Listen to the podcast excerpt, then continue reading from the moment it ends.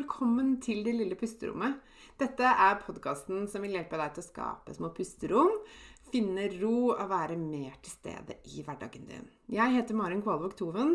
Jeg er barnevernspedagog, familieterapeut og eniagramcoach. Jeg er mamma til to, gift og gründer av Det lille pusterommet. Og jeg har selv kjent på langvarig stress og har vært utbrent. Jeg brenner for å hjelpe deg ut av stress og utbrenthet og vise deg hvordan du kan finne ro selv om det er travelt rundt deg. Til daglig så hjelper jeg kvinner ut av utbrenthet og stress gjennom online coaching med min egen utarbeidede pusterommetode og ulike online-kurs. Du vil høre meg reklamere for mine tjenester i denne podkasten. Du vil også i denne podkasten få mine tips, triks og inspirasjon til hvordan du kan skape dine pusterom i hverdagen. Jeg kommer også til å dele egne erfaringer og invitere spennende gjester på besøk. Mer om meg og det jeg kan hjelpe deg med, det kan du lese om på delillepusterommet.no. Det er veldig gøy om du deler at du hører på Det lille pusterommet i sosiale medier, og tagger meg, så jeg kan si hei til deg. Jeg heter Marin Kvalvåg Toven både på Facebook og på Instagram. Her kommer dagens episode. Hei og velkommen tilbake til lille pusterommet.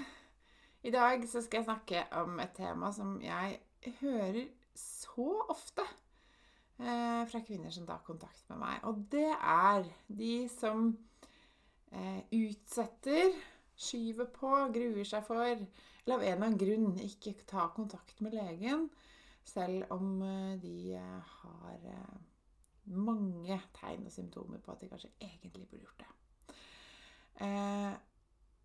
Og det som går igjen hos veldig mange av disse Og bare for sagt, det, Jeg har vært der selv, jeg skal fortelle litt om det senere. Men det som veldig ofte skjer, det er at de som ikke går til legen av en eller annen grunn, men som eh, har møtt veggen, eller er utslitte, utbrente, har fysiske, eh, psykiske og mentale og emosjonelle og relasjonelle symptomer på stress.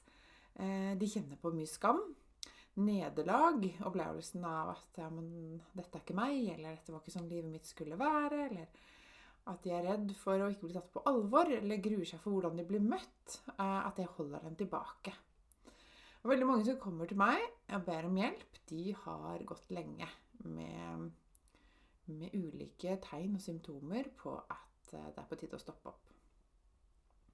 De har ofte tatt seg sammen og håpet på at det går seg til, eller at det går over. Og hvis jeg spør om det kanskje er en god idé å kontakte legen på bakgrunn av hvordan de har det, og hvilke symptomer de har, så sier mange at jo, det er kanskje lurt når du sier det, så høres det ut som en god idé.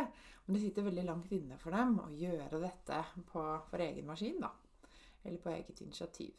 Så i dag så har jeg lyst til å dele noen tips som jeg vet er effektive, og som funker. Eh, til deg som innerst inne vet at du kanskje burde gått til legen, eller eh, skal gjøre det men som av en eller annen grunn utsetter det, skyver på det. Det kan også være for deg som kanskje eh, har vært hos legen og skal tilbake og gruer deg litt. Eller ønsker å forberede deg på en sånn type prosess. Eh, jeg håper det kan være noen nyttige tips her. Det første tipset jeg har lyst til å dele med deg, det er at jeg vil oppfordre deg til å stole på din egen kropp. Stole på det du kjenner, hvordan du har det. Eh, og at du ikke trenger å vente på at noen andre skal gi deg beskjed om å bestille denne timen. Du kjenner deg selv best, og din vurdering er ikke bare like verdifull, men enda mer verdifull enn andres. Fordi det er snakk om deg. Det er snakk om din helse, ditt liv, din hverdag, din familie, din situasjon. Og da er det du som vet best. Så i stedet for å sjekke ut med andre, som kanskje kan være litt fristende noen ganger, for det er litt deilig å lene seg på andres vurderinger, så kan du lytte til deg selv.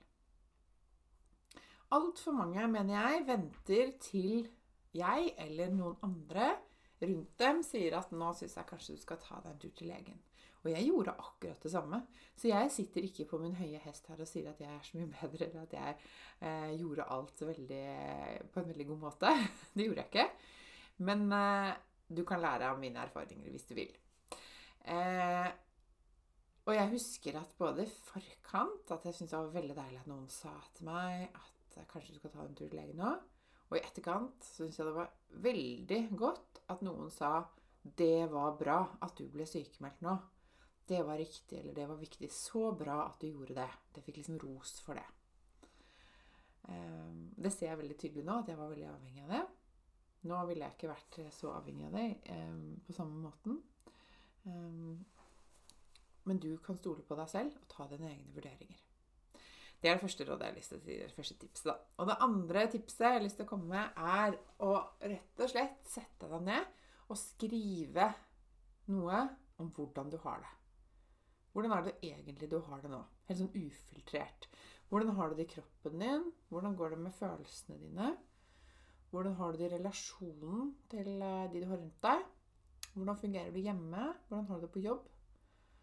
Hvordan står det til med søvn og fordøyelse, hormoner og humør og konsentrasjon og hukommelse? Hvordan går det sånn? Del alt om det. Og så kan du faktisk levere det til legen din. For det som er så fint med det, det er at da slipper du at du kommer i den situasjonen som veldig mange gjør, vet jeg, og jeg gjorde det selv òg, at du trekker deg litt når du kommer inn på legekontoret. Kanskje møter du en lege som er veldig travel, som har altfor liten tid, som er for seint ute allerede, og alt det der, eller som er mest opptatt av PC-skjermen sin. Og beklager til deg som er lege, som kanskje blir provosert og lei deg å høre det her. Eh, dette er sannheten og realiteten for veldig mange pasienter. Eh, og det du som pasient kan gjøre, er å forberede deg og ta vare på deg selv får ikke forandret liksom, fastlegesystemet sånn på, en, eh, på, på, et sekund. Eh, det er ikke ditt ansvar. Ditt ansvar er at du får formidle til legen hvordan du egentlig har det. Sånn at det blir forstått, eh, og sånn at det blir tatt på alvor. For veldig mange trekker seg og pleaser legen med å si ja, nei, det går bra, altså. Eller ja, ja, ja, det høres sikkert lurt ut det du sier. Eller vi gjør det du sier. Så blir det for tøft å stå i det selv. Men har du skrevet det ned, så kan du levere det, og så kan legen lese det. Og så skjønner legen mer om hva dette handler om. Tips nummer tre, som jeg også benyttet meg av, eh, det er å ta med en person du stoler på, inn i samtalen. Hvis du gruer deg veldig og kjenner at eh, her eh, sliter jeg med å stå på egne bein, eller her trenger jeg noen som bare kan vil vite at jeg står med, med min side og støtter meg, eh, så kan det være fint. Jeg hadde med meg Anders husker jeg, i hvert fall én gang i den prosessen da jeg var utbrent. Og det er, det er mannen min, da, for dere som ikke vet det. eh, og jeg spurte han kan du bli med meg, fordi at jeg kjenner at jeg blir så satt ut og usikker. Og jeg trekker meg. Eh, og jeg begynner å, å slite med å uttrykke det jeg egentlig vil si, eller det jeg egentlig mener, og hvordan jeg egentlig har det. Så han blei med meg, og både var det veldig godt at han kunne sitte der som en moralsk og psykisk støtte for meg mens jeg eh, snakket med legen, men også at han kunne faktisk, som min aller nærmeste, eh, fortelle til legen hva han så, hvordan han opplevde min funksjon, hvordan jeg hadde det, og hvordan det påvirket familielivet vårt, og hva han tenkte var viktig, og litt sånne ting, da. Eh, og på den tiden så fungerte jo ikke jeg så veldig bra. Og det at legen fikk faktisk høre det fra en annen, det, det gjorde jo at det var tror jeg kanskje hun kjente at det var lettere å si til Nav at, at jeg måtte være sykemeldt lenger. Eh, det er dessverre litt sånn også. Legen må noen ganger ha liksom kjøtt på beinet. De blir litt sånn usikre og stressa, noen av de. Eh, men det fungerte veldig fint for meg, i hvert fall. I denne perioden der, da. Og så er det det siste tipset jeg har lyst til å komme med til deg, og det er å huske på at når du kommer til legen, så er du pasienten, og det er legens jobb å hjelpe deg, og ikke motsatt. Dette kan kanskje høres veldig litt rart ut for noen, for andre så er dette veldig gjenkjennbart. Og da er det til deg. For dette har jeg sett mange ganger, og jeg har kjent på det selv. Behovet for å glede, please, imøtekomme det legen sier. Og også behovet for å på en måte gi noe for å få noe igjen. Altså litt sånn Hvis jeg sier til deg at jeg kan jobbe 20 så gir du meg 80% sykemelding da? Eller hvis jeg sier at jeg ja, kan være sykemeldt i to uker til, og så lover jeg skal begynne å jobbe litt. At du må liksom drive og gi noe og strekke deg lenger enn kanskje hva som er godt for deg. Fordi du tenker at da kan jeg i hvert fall få litt tilbake. Å være hos legen når du er utbrent og utslitt eller syk generelt, er ikke en forhandlingsposisjon. Det skal det ikke være. Legen skal være der for deg, og ikke motsatt. Eh, og dette vet jeg mange trenger å høre, for jeg møter dette ganske ofte. For det eneste som taper på at du strekker deg og har fokus på å glede og please andre, det er deg. Og det er veldig, veldig synd. Det vil si, egentlig så taper ofte arbeidsplassen på det også, fordi at du ender kanskje opp med å gå tilbake og, og si at nei, dette går ikke allikevel. Ikke sant? Eh, men det finnes heldigvis noen kloke leger der ute som som vet at det er lurt å ta ting i rolig tempo og gi det tid. Og det er veldig, veldig bra. Eh, men hvis du opplever en lege som ikke, ikke kanskje er sånn, så kan det være lurt å minne deg selv på at legen er der for din skyld, og ikke motsatt. Når alt dette er sagt, så har jeg lyst til å bare minne deg på dette her. Det viktigste du gjør, det er å lytte til deg selv. Ta deg selv på alvor. Og å akseptere situasjonen sånn som den er akkurat nå. For hvis du ønsker å endre på noe, komme deg videre, starte en prosess hvor du liksom skal begynne å bygge deg selv opp igjen, eller noe sånt, så må du rett og slett erkjenne sånn du har det, på godt og vondt akkurat nå. Det er et veldig viktig sted å starte.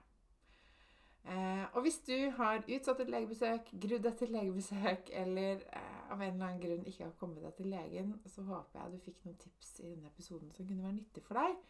Eh, og jeg vil veldig gjerne høre.